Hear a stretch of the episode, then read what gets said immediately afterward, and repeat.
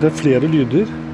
Det som var spesielt der, var den kontinuerlige lyden av sånn eh, Det høres ut som er som å sitte ved fjorden en sommerdag.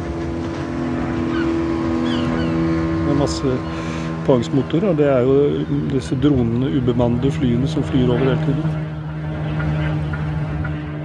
Og den lyden den hørte vi jo allerede på grensen da vi sto i Egypt, og den hørte vi altså natt og dag til vi var ute. I tillegg til dette så er det da den kontinuerlige bombingen som du hører. Eh, og den kan jo være da enten nær eller fjern. Og, og den er jo helt uforutsigbar. Det kan være masse smell i minuttet. Eller så kan det komme kraftige smell veldig nære, hvor alt står og rister. Eh, men det venner man seg også til, selv om det Det er jo ikke en jevn lyd hele tiden.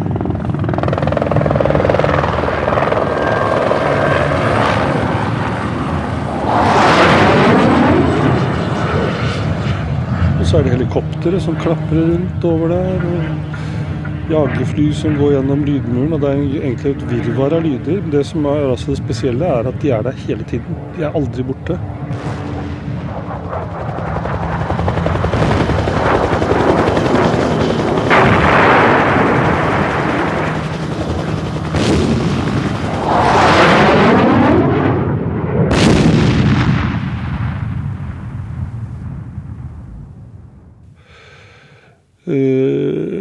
Dette tror jeg for barn som lever i et sånt område, og de forbinder med de lydene forbinder jo at det kommer noen bomber og at folk blir drept, så tror jeg det er veldig angstfremmende. Så, ja. Radiodokumentaren sender 'Spor i sanden', en beretning fra Gaza. Dokumentaren er laget av Edvard Hambro.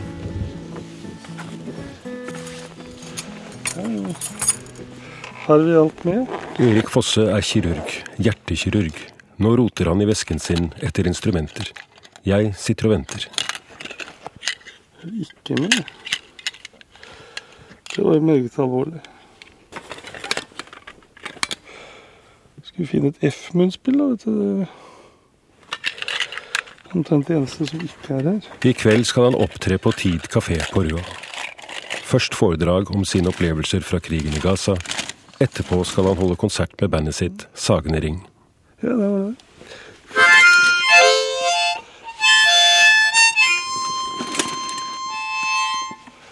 Hva er favorittlåten din Erik? Den beste Nei, det vet jeg ikke. Det er, eh, det er jo ofte de siste låtene da, vet du, som er sånn Den her er en som er sånn som Jeg kan jo synge denne.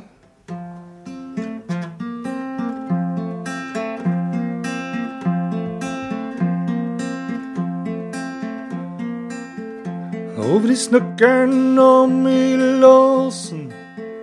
Intet vindu står på klem.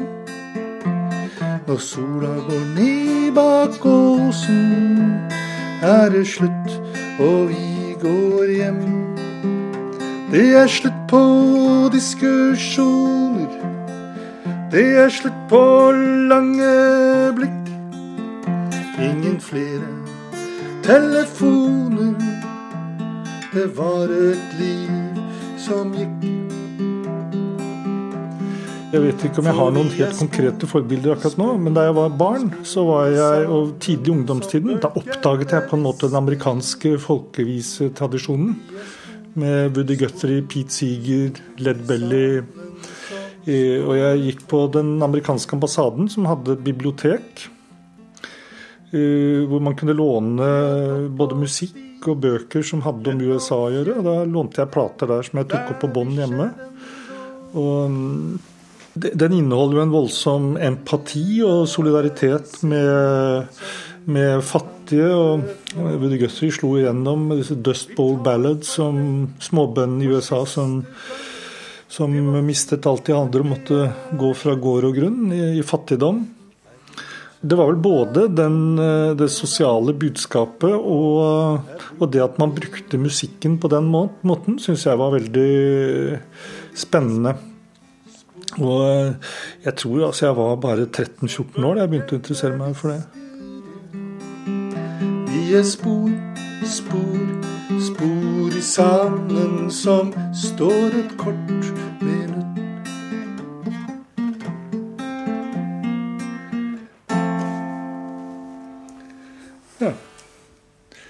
Liker jeg godt. Vi forlater rekkehuset hvor han bor sammen med Nina Husom, og setter oss i den utslitte Toyotaen. Det er bare noen kilometer gjennom snøen og kulda til Tid kafé på Røa.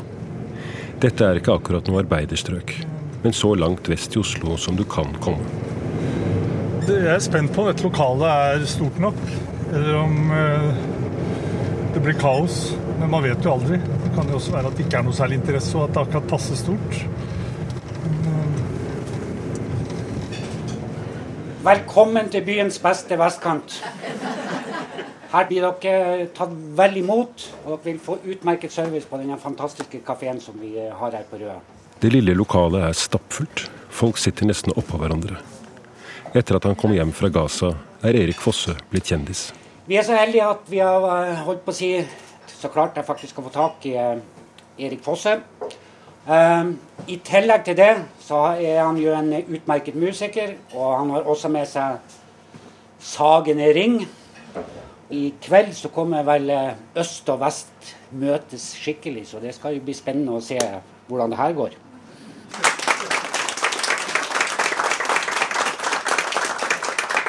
Ja, takk. Det er veldig hyggelig å være her. Jeg bor jo i, på Røa for tiden, så det er veldig hyggelig å holde et foredrag om, eh, om Gaza, og ikke minst eh, spille litt musikk etter hvert eh, for dere.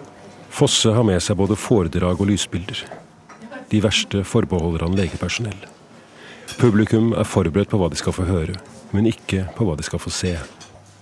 Denne dagen her skal jeg nevne spesielt, for det var, det var en av de aller verste i det var tirsdag den 6. januar. Da bombet de en FN-skole i flyktningleiren Shabalia, som også ligger nord for Gaza by. De skjøt med tanks, altså med kanoner, da, på skolegården og området rundt. Og der lekte alle barna. Så da kom det inn 60-70 barn alle var barn. så De kom inn på én gang. Jeg sto der på operasjonsstuen hele dagen til langt utpå kvelden og opererte disse ungene. Og vi prøvde å få opp tempoet bare for å redde flest mulig liv. Utpå kvelden så gikk jeg ned til, til, det stedet hvor vi bodde, da, for å slappe av. Var ganske både lei meg og trøtt. Og så ringte det en journalist fra Der Spiegel og så spurte hun liksom, ja, hva driver dere med, og så fortalte jeg seg det. Nå har de, I dag har de bombet den FN-skolen, og det, vi har hatt masse unger her. Og det er bare barn som er skadet og drept. Og nå må dere skrive at nå må denne krigen, de må slutte med dette her. Fosse forteller at journalisten var i Israel. Hun hadde snakket med talsmenn fra det israelske forsvaret. De sa at Hamas hadde skutt ut raketter fra denne skolen noen dager i forveien. Dermed var skolen blitt et legitimt mål. Uh, så så sa jeg da ålreit, hvis de absolutt måtte bombe der, hvorfor i all verden måtte de gjøre det da midt på dagen hvor alle ungene var ute og lekte? Så sa hun ja, jo, det var mange barn. Det hadde hun også spurt om. Og da hadde de sagt jo, men var, de visste det at de fleste av disse barna, det var Hamas-barn.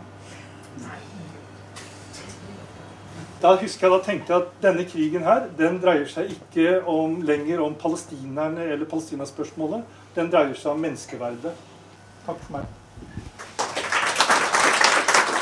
Det var ikke mange mennesker på Oslos vestkant som var opptatt av palestinere for 40 år siden. Ikke andre steder i Norge heller. Erik Fosse var ikke noe unntak. 5.6.1967 gikk Israel til angrep på nabostaten Egypt, og like etterpå Syria. Jordan ble også trukket med i krigen. 1967 husker jeg godt. Da gikk jeg jo på gymnaset på Vestheim, og vi var vel alle sammen veldig bekymret for den krigen. Og jeg tror nok alle innerst inne oppfattet dette som en krig mellom den vestlige sivilisasjonen og barbariet, og holdt med Israel. Israel vant krigen på seks dager. Vestbredden er fortsatt under israelsk okkupasjon. Og Gaza er kontrollert og blir holdt i et jerngrep av Israel. Jeg eh, begynte å studere medisin i Spania. Der var det mange palestinske studenter. Så første gang jeg ble konfrontert med at det gikk an å se dette fra en annen side, det var faktisk blant medstudentene mine i, eh, i Madrid i, i 69-70. Det var verdenssamfunnet, FN, med Trygve Lie i spissen, som i 1947 bestemte å dele Palestina i to deler, og dermed gi jødene et land å reise til etter den andre verdenskrig. Palestinerne som allerede bodde der, skulle få beholde omtrent 45% av området. Året etter erklærte jødene sin egen stat, Israel. Men jeg var jo ikke noen aktivist. Men jeg husker fortsatt at en av disse studentene sa liksom ja, men tenk om, tenk om bare FN bestemte at halve Norge skulle gis bort til et annet land, og dere måtte flykte og flytte fra husene deres. Palestina-konflikten har jo ofte blitt fremstilt sånn at jødene kom til et nesten folketomt land, og dette var bare arabere som kunne flytte hvor som helst. Man tenker ikke på at det er familier som eier hus de har arvet, og, og har en infrastruktur og et sosialt liv i en landsby som de har hatt i århundrer. Da er vi over på neste del av programmet. og det er uh, disse flotte karene her. Sagene Ring. Eh, vi har holdt på i 150 år. 150 år. Det er bare tull. Vi har holdt på i 14 år. Men det er veldig moro, dette her, at vi nå endelig kom oss over liksom eh, Checkpoint Charlie eller noe sånt nå. Og kom oss til Røa. Så her gir vi jernet, dere. Dette er ordentlig, ordentlig moro. Spesiell grunn til å komme til Røa, det er selvfølgelig at det er særs helsebringende. For det er jo sånn, det er jo stadig kommer sånne befolkningsundersøkelser om uh, Oslo som viser at uh, folk som lever på østkanten, de lever mye kortere enn de som lever på vestkanten. Men uh, vi har laget en sang om dette. vi blir ikke gamle på Sagene. Jeg har hatt flere samtaler med Erik, har sett alle bildene i usensurert tilstand. Nå lar jeg meg rive med av musikken. Samtidig tenker jeg, hvordan er det mulig å holde foredrag for helvete den ene timen, og så opptre som trubadur etter pausen? Har du hørt hva det sto i avisa i dag? Vi lever ikke som folk flest. Nei, nei. Nei, vil du bli gammal følge blad, så må du nok bo lenger vest. Ja, men vi mennesker er vel uh, sammensatte, så man dette er jo ting som jeg har holdt på med alt sammen over veldig mange år. Da. Jeg har vært opptatt av Midtøsten i 30 år, så det har blitt en del av livet mitt. Jeg har spilt fra jeg var uh, bitte liten, og drevet med musikk. Og jeg ser at bare Sagner Ring Bandet er jo over 20 år. Her øst blir du knapt 73 rekreasjon og aktiv fri. Det blir det lite med. Til daglig leder Erik Fosse intervensjonssenteret på Rikshospitalet. Kanskje Europas mest avanserte medisinske operasjonsstue. På fritiden er han med å lede Norvac, en uavhengig hjelpeorganisasjon som han var med å grunnlegge i 1983, og som for det meste arbeider i Midtøsten. Fosse har også ledet helseteam i Afghanistan, Libanon og på Balkan. Forsvaret bruker ham som foredragsholder og instruktør i krigskirurgi. Israel åpner to grenseoverganger til Gaza i dag. Grensa blir åpnet midlertidig for å slippe inn matvarer og humanitær hjelp. Det er sivilbefolkningen i Gaza som har lidd mest under Israels blokade, som mer eller mindre har vært i kraft siden september 2007, da den israelske regjeringen erklærte Gaza som fiendtlig område. Bakgrunnen for dette var rakettangrep fra Hamas-aktivister over grensen til Israel. I dag åpnes altså to av grenseovergangene. En håndsrekning fra Israel til innbyggerne i Gaza på julaften 2008. Erik og hans samboer Nina sto på kjøkkenet og forberedte julematen. Vi i, i Norvac, denne organisasjonen som jeg da leder, vi, eh, vi skjønte jo allerede rett før julaften at, eh, at, det var veldig spent, og at det kom til å bli en, eh, en, en eller annen form for konflikt. Men hvor, hvordan den ville arte seg, det visste vi jo ikke da. Men julaften så fikk vi en del meldinger fra helsemyndighetene inne i Gaza som gjorde at jeg sendte ut en e-mail til de andre i Norvak om at vi måtte begynne å planlegge. Så det holdt vi altså på. Så jobbet jo med det da på julaften mens vi holdt på å steke julematen, for å si det sånn. Samtidig sender Hamas 88 raketter fra Gaza mot Israel.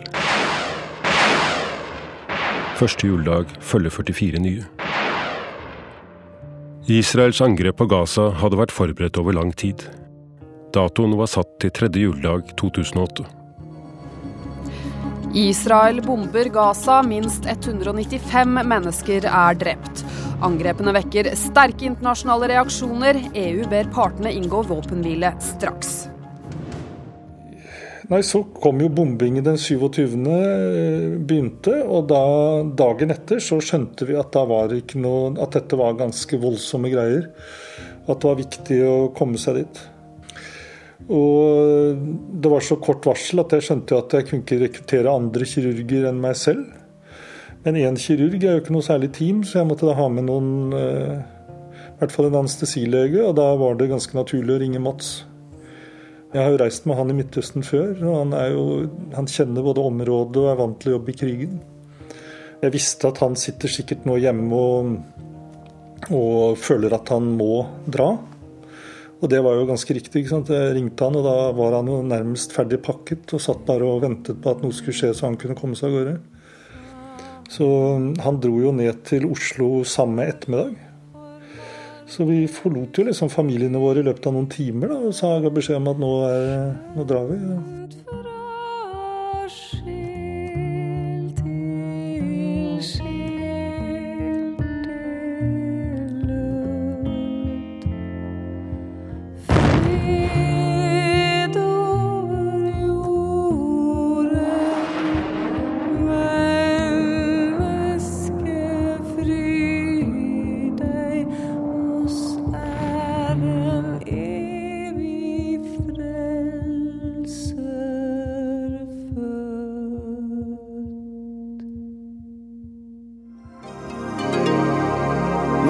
30 millioner kroner i nødhjelp til Gaza. Situasjonen er prekær, sier utenriksminister Jonas Gahr Støre, som ber Israel slippe hjelpen igjennom. Vi gir altså bidrag til de mest erfarne organisasjonene som vi vet kan levere hjelp helt fram. Det er eh, Internasjonal Røde Kors, det er UNDRA, det er Verdens helseorganisasjon og det er norske kirurgiske team. Utenriksminister Støre nevnte ikke noe navn, men kirurgteamet han snakket om, besto av Mats Gilbert og Erik Fosse. Den ene anestesilege, den andre hjertekirurg. Begge professorer og spesialister, men på hvert sitt felt. Vi måtte ha noen diskusjoner. Vi må på en måte hele tiden være enige om uh, hvordan vi eh, forholder oss til ting. Hadde jo bestemt oss for at vi alltid skulle, eh, vi skulle være, altså ingen skulle reise, eller vi skulle hele tiden være sammen. Og støtte hverandre. Og hvis den ene fant ut at han måtte reise, så måtte den andre også reise. Så vi måtte liksom henge med hverandre hele tiden. De norske legene hadde UD i ryggen. Egyptiske myndigheter ble anmodet om å slippe dem over grensen fra Egypt til Gaza. Den norske ambassaden i Kairo lånte dem sine egne biler med diplomatskilt og egyptiske sjåfører. Uten denne hjelpen hadde de neppe kommet frem til grensen i det hele tatt. Nei, Vi visste jo at vi hadde brukt for lang tid i Kairo, men som sagt, eh, var ikke, så vi var jo litt sure for det. Eh, Mats og jeg var jo da veldig interessert i å komme inn, og vi hadde jo også vi hadde jo også sagt til, meldt fra til media at vi var på vei. Altså Jonas Gahr Støre hadde en pressekonferanse mandag hvor han sa at Norge skulle prøve å sende inn team og utstyr. Og da syns ikke vi det var noe vits i å legge skjul på at det egentlig var oss. Ellers hadde ikke vi tenkt å melde fra til media. Jeg hadde ingenting med meg fra Norge. Altså jeg reiser veldig lett i i krigen, for jeg vet eh, at ofte ting forsvinner. Så, det, så, jeg hadde ikke med meg laptopen min, jeg hadde ingenting. Ikke med et stetoskop engang. Mats hadde nok eh, tatt med seg mye mer, da. Og det var jo veldig bra at han hadde med i hvert fall PC. Nå visste hele Medie-Norge at Fosse og Gilbert var på vei inn i et lukket krigsområde. Mobiltelefonene begynte å kime. PC-en til Mats Gilbert skulle etter hvert gi dem mulighet til å sende bilder ut til resten av verden fra et Gaza som Israel trodde de hadde lukket helt for vestlige medier. mens vi kjørte opp mot grensen, så begynte jo telefonen å ringe hele tiden. og Vi ble intervjuet av alle, tror jeg, alle norske medier i løpet av den bilturen. Så um, vi tenkte jo begge at det ville være ganske flaut hvis vi nå ikke kom inn. da de kom frem til grensen, var den stengt. Israel bombet i nærheten, og ingen slapp gjennom. Store konvoier med medisinsk utstyr og legepersonell fra andre araberstater sto også og ventet. Egyptiske myndigheter hadde ingen interesse av å hjelpe Hamas. Neste dag så kom vi inn uten problem. Vi fikk ambassaden til å ringe og snakke med de som var der, og, og vise da til sikkerhetsmyndighetene, og, som hadde sendt beskjed også. Så da gikk vi over grensen. Det var nyttårsaften. Bombingen hadde nå vart i fem døgn.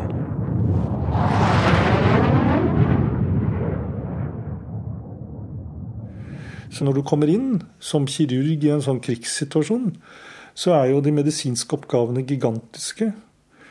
Så du får ikke tid til å bli redd, egentlig. Det, det, blir mer at oppgaven virker nesten uløselig. Og i dette tilfellet så var både det å komme inn, få med seg utstyr, komme på plass, begynne å arbeide og prøve å løse de oppgavene, det var i seg selv ganske voldsomme oppgaver. Og jeg rakk på en måte ikke å tenke på andre ting enn, eh, enn å løse oppgaven.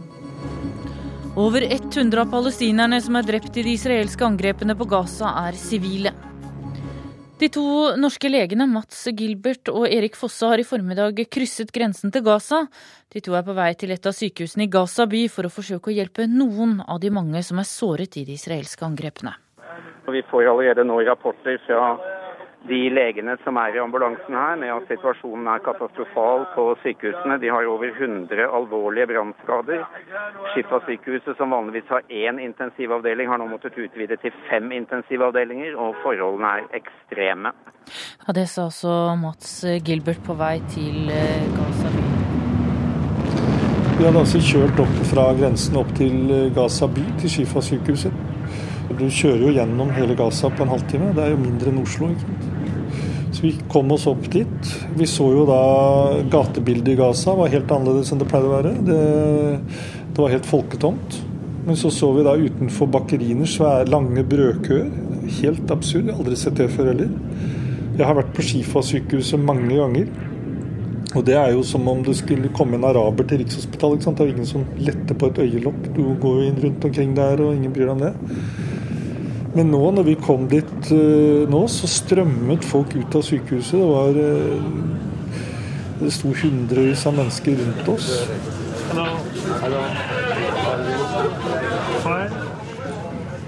Jeg husker jeg sa til Mats at vi er jo en slags rockestjerner her. Det er helt rart. Det, og da skjønte vi jo at det der eh, At det at det kom noen europeere der, var så oppsiktsvekkende som det egentlig var. det. Og de sa jo det, at de liksom nå trodde de skulle bli drept uten at noen brydde seg. Så jeg tror det var det viktigste for å holde motet deres oppe, at vi var der. En strøm av sårede bæres inn. Pårørende gråter. Pasientene er stille. De er i sjokk eller bevisstløse.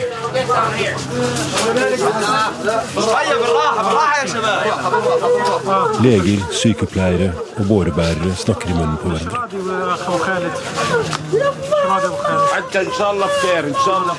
De var jo, de gikk jo på stumpene og var jo redde og fortvilet og trøtte. Og den verdigheten og bekymringen for hver enkelt pasient, og at nå måtte de gjøre en, altså det var viktig å gjøre en ordentlig jobb. På tross av at jeg så jo at de holdt på å gå opp i limingen alle sammen. Det gjorde et veldig sterkt inntrykk på meg. Syns jeg var eh, sivilisasjonen på det ypperste, faktisk. No, it was not mine. It was there. Is it not yours. Så jeg så veldig tidlig at de gikk rundt alle sammen med sånn liten propp i øret. Og lurte jo på hva det var. Og det var jo lokalradioen. De gikk jo og lyttet på radio hele tiden for å høre om det var det området de bodde i som ble bombet.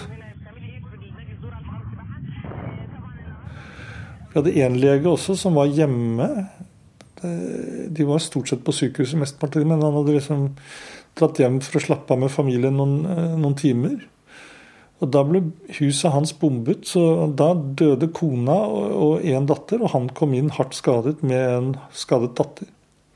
Så det er klart, helsepersonellet der hadde jo en helt Det var en helt sinnssyk situasjon. altså Helt sånn uforståelig, absurd situasjon. Men i går falt jo ned en bombe rett utenfor sykehuset her. Så, da, så det er klart det er fryktelig nære. Det, ja, det kan nesten ikke være nærmere enn det har vært faktisk hele tiden. Altså det, det smeller jo rundt oss. Veggene rister jo her. Vi er midt i krigssonen, men det har vi vært hele tiden. Så det, jeg, ikke, jeg, tror ikke vi kommer til å merke at vi rykker nærmere før det havner en bombe i sykehuset. Det sa altså Erik Fosse. Nordmenn ble etter hvert vant til å høre Gilbert og Fosse fortelle om krigen på nyhetsinnslag i radio og fjernsyn. Også samboeren til Fosse og hans barn hørte. Hvordan var egentlig avskjeden i Oslo i romjulen? De, nei, de, sier, de, de, sa jo alle sammen at ålreit, du får bare reise. Ikke sant? Det er jo greit. Men jeg ser jo at de blir bekymret. For Nina, så hun skjønner jo også, samtidig lever seg jo inn i konflikten. Og barna mine lever seg også inn i konflikten. Jeg har tenkt mye på det, at for mange her i Norge, når dette skjedde, så kan du ikke gjøre noe. Sitter, man har en sånn avmaktsfølelse. Det mine familie kunne gjøre, det var i hvert fall å sende meg. Altså De kunne gjøre noe med konflikten. Det israelske angrepet startet med bombing fra luften tredje juledag. Nå var det gått en uke. Det alle ventet på, var bakkeinvasjonen.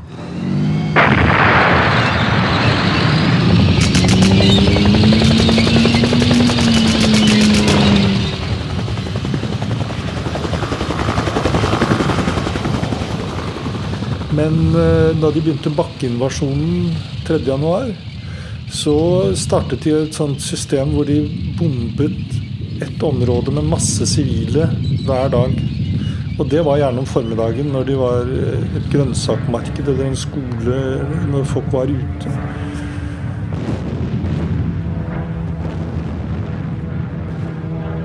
Så veldig ofte ble denne morgenrutinen avbrutt av at det da kom inn plutselig en masse skader. Det kunne komme 50-60 pasienter på en gang.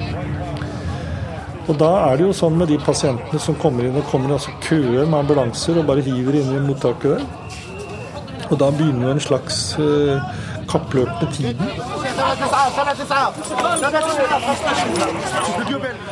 For da må vi for det første finne ut hvem som er alvorlig skadet. Og av de alvorlige skadede, de er jo da i ferd med å dø. De ligger og blør alle sammen. Og de har en, kanskje en time på seg til de er utblødd. Så det vi må gjøre på sykehuset da, er jo å operere dem og få stoppet disse blødningene så fort som mulig. Og da har man alltid for lite ressurser.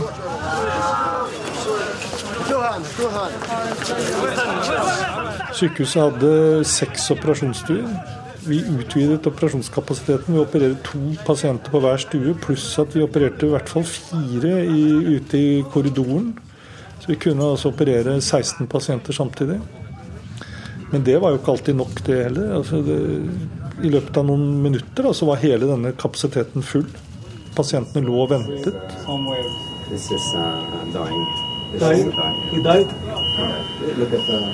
Så da var det jo pasienter som døde mens de ventet på operasjon.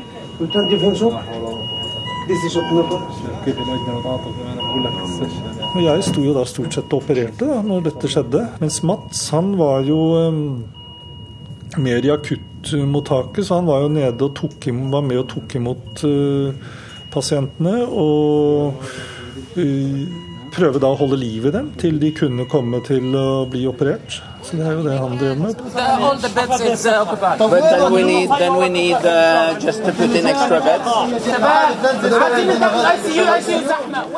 Ofte så måtte vi jo ta en sjanse da, og bare si at antagelig er det vi må åpne buken først for å se der.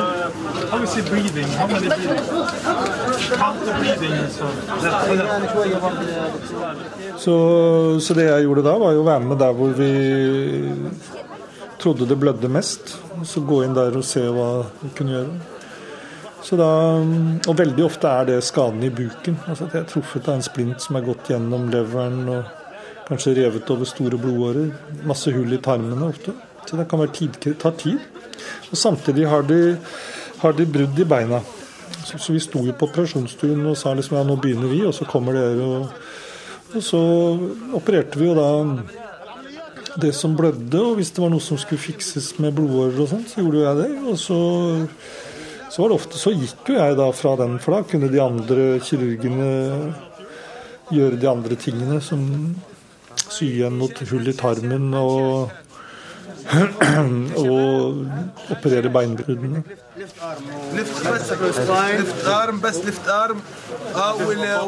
Du kan si at hvis de angriper en sånn skole ved tolvtiden, eh, og det var stort sett det de gjorde, så når, det er godt, når klokken er seks-syv ja, om ettermiddagen, så er jo enten alle pasientene operert, eller de er døde. Så da roet det seg jo ned.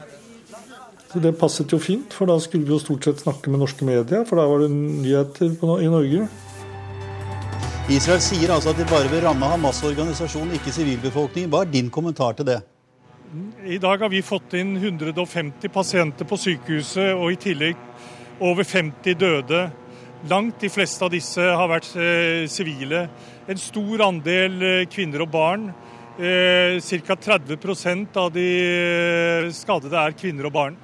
Vi mangler eh, teknisk utstyr til å overvåke pasientene. Vi mangler utstyr Fosse og Gilbert var å høre i alle norske medier, men også i utlandet ble de faste innslag i nyhetene. Det startet jo med de norske journalistene, men veldig fort så begynte jo eh, andre BBC Vi møtte jo de på vei inn.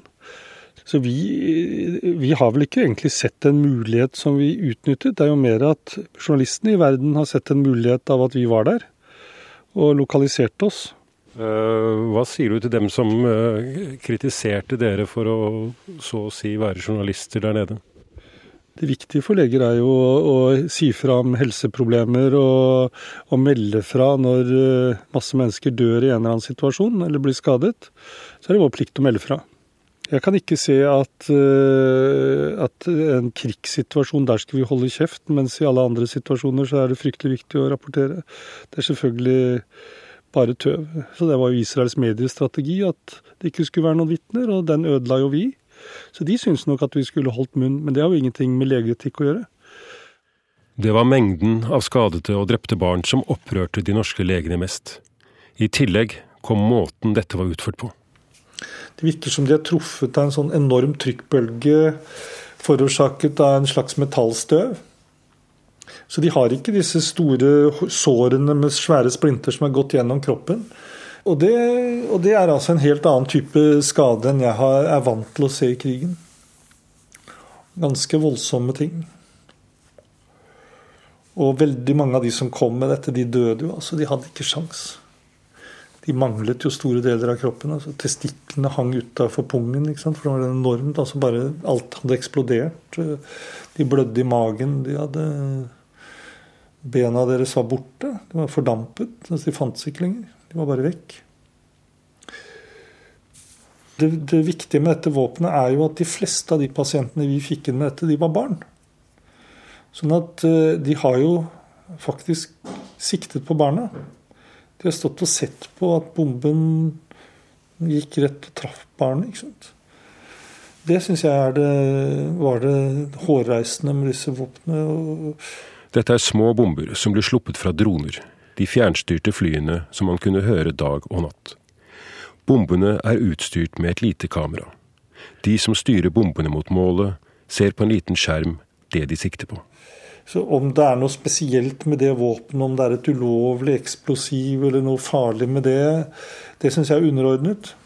Det viktige med dette er eh, at eh, det er ikke noe uhell.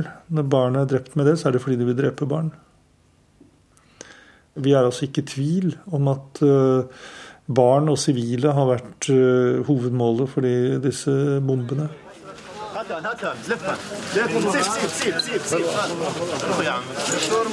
Ifølge FN ble 1440 palestinere drept.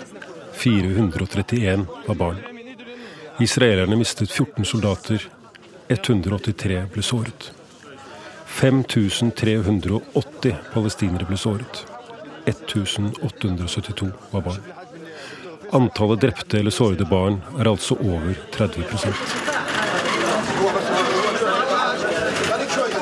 Eh, Skaden er meningsløs. Det å operere barn seg, et barn i seg selv og prøve å få det til å overleve, er selvfølgelig ikke meningsløst.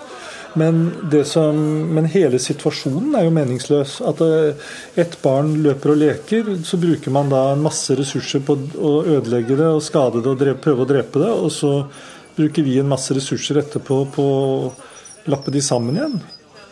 Dette er jo vanskelig kirurgi. Det er veldig krevende. Så du bruker liksom hele deg, da. Alt du har av kunnskap og ressurser på å fikse dette her. Og så kommer du ned i akuttmottaket, og så ligger det bare en haug nye unger der og venter. Det virker relativt håpløst, det må jeg si. Og, og gjorde nok at jeg etter hvert ble ganske sint. Jeg kan nesten ikke se situasjoner hvor det å bruke krigsmakt eh, kan ha noe særlig for seg i det hele tatt. Jeg tror de sårene du lager i en befolkning etter det, er vanskelig å rette opp igjen. Det tar lang tid. Og, og for de individene så er dette så grusomt uh, at uh, jeg skjønner ikke at det er noe som er verdt det.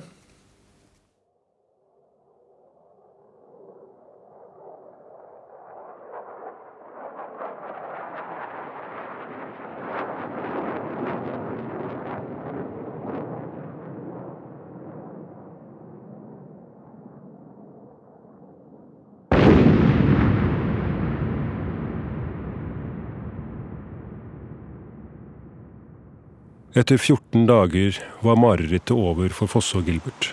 De hadde fått avløsning. Jeg står utenfor huset til Erik og Nina på Røa. Like bortenfor ser jeg de snødekte jordene som leder opp til marka. Det er kaldt, og det er stille. Hei, hei! Kom inn, kom inn. Ja, Da får vi se om vi har litt kaffe til deg, da. Ja, det høres fint ut. Um, sitter og lager foredraget til i dag. Fosse er tilbake i sin jobb som leder av intervensjonssenteret på Rikshospitalet, og han fortsetter med arbeidet i Nordbakk. Nå skal han holde foredrag for alle som vil høre. Sammen med Mats Gilbert skal han skrive bok. Og han fortsetter med konsertene. Men noen sang fra Gaza har han ennå ikke skrevet. Det er veldig rart med det å skrive både musikk og lyrikk hvis det skal være litt bra, så må du nesten eh, Det er jo sånt som kommer når man ikke Du må ha litt tid til å gjøre ingenting, og så kommer det ofte av seg selv. Og jeg tror at det er lurt å ha litt mer distanse før man begynner å Før jeg begynner å bli litt po bli poetisk i den sammenhengen. Så her er litt kaffe til deg.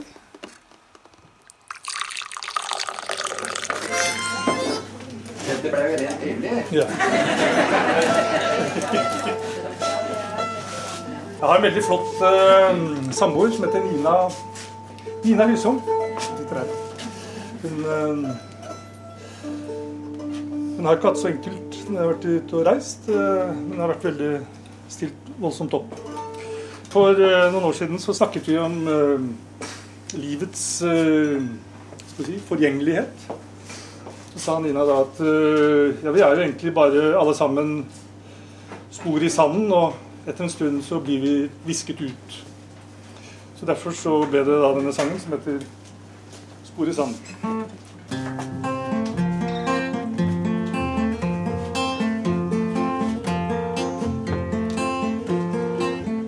Og vi nøkkelen om i låsen, intet vindu står på klem. Når sola går ned bak åsen, er det slutt og vi går hjem. Det er slutt på diskusjoner. Det er slutt på lange blikk. Ingen flere telefoner. Det var et liv som gikk. For vi er spor, spor, spor sanden som bølgene visker ut. Vi er spor spor, spor i sanden som står over kort bit.